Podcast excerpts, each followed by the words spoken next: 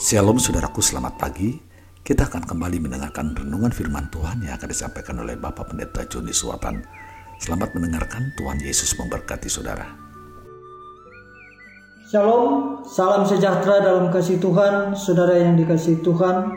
Saya berdoa seluruh pendengar renungan podcast tetap sehat, tetap semangat. Biarlah kita tidak jemu-jemu untuk mendengarkan akan firman, karena kita tahu firman Allah berkuasa, firman Allah mengendalikan atas kehidupan kita, dan firman Allah memberikan kita pengharapan, pengharapan di dalam Kristus tidak pernah sia-sia. Puji Tuhan. Firman Tuhan pada hari ini terambil dari kitab Injil Markus 6 ayat 45 sampai ayat yang ke-52. Tetapi saya hanya membaca ayat 48 saja.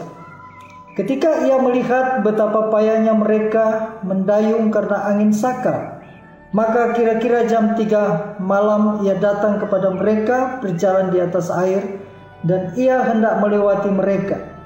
Saudara yang dikasihi Tuhan, dalam pembacaan firman Allah hari ini saya beri tema pertolongan Tuhan tidak pernah terlambat.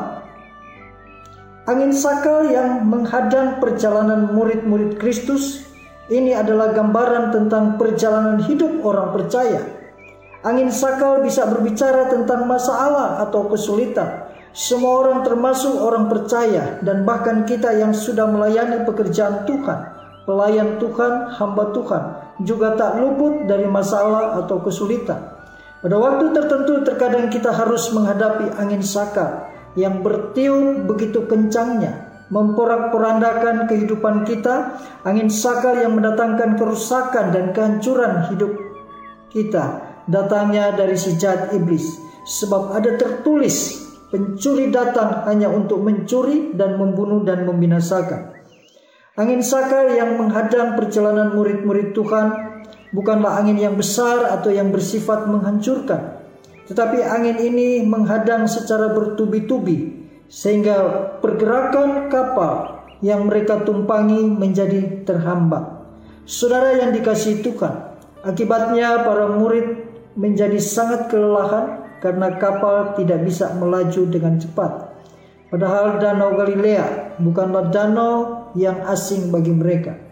Terkadang kita dihadapkan dengan angin permasalahan yang datang secara tiba-tiba dan bertubi-tubi menghadang perjalanan hidup kita.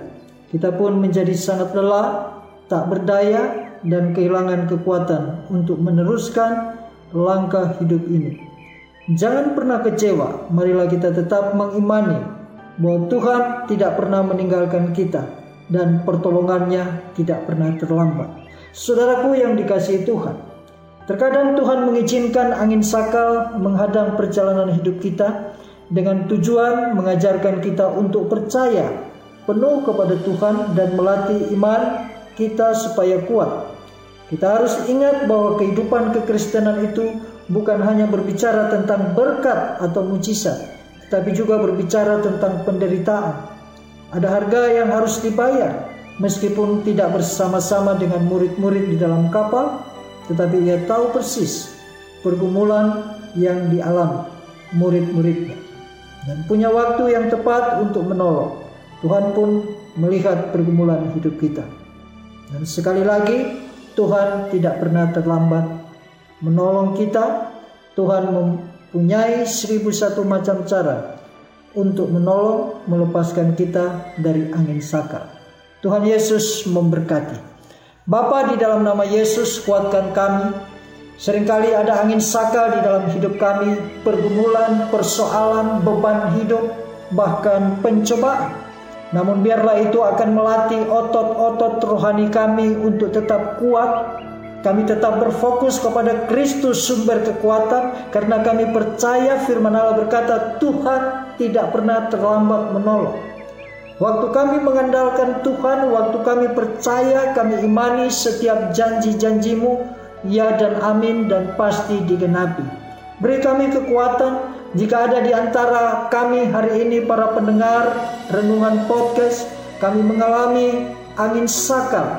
Biar kami tidak menyerah, kami mau semakin kuat dengan Tuhan. Kami tidak menjauhkan diri daripada Tuhan. Karena kami tahu kekuatan kami hanya ada padamu Yesus. Engkau sang penolong, pembuat keajaiban. Terpujilah Bapa, di dalam nama Yesus kami berdoa. Haleluya. Amin. Terpujilah Allah Bapa, Tuhan kita Yesus Kristus, dan Roh Kudus yang telah mengaruniakan kepada kita segala berkat jasmani dan berkat rohani. Hidup kita akan selalu diberkati hari lepas hari, tidak turun tapi selalu naik, tidak jadi ekor tetapi selalu jadi kepala. Sampai jumpa esok hari, Tuhan memberkati.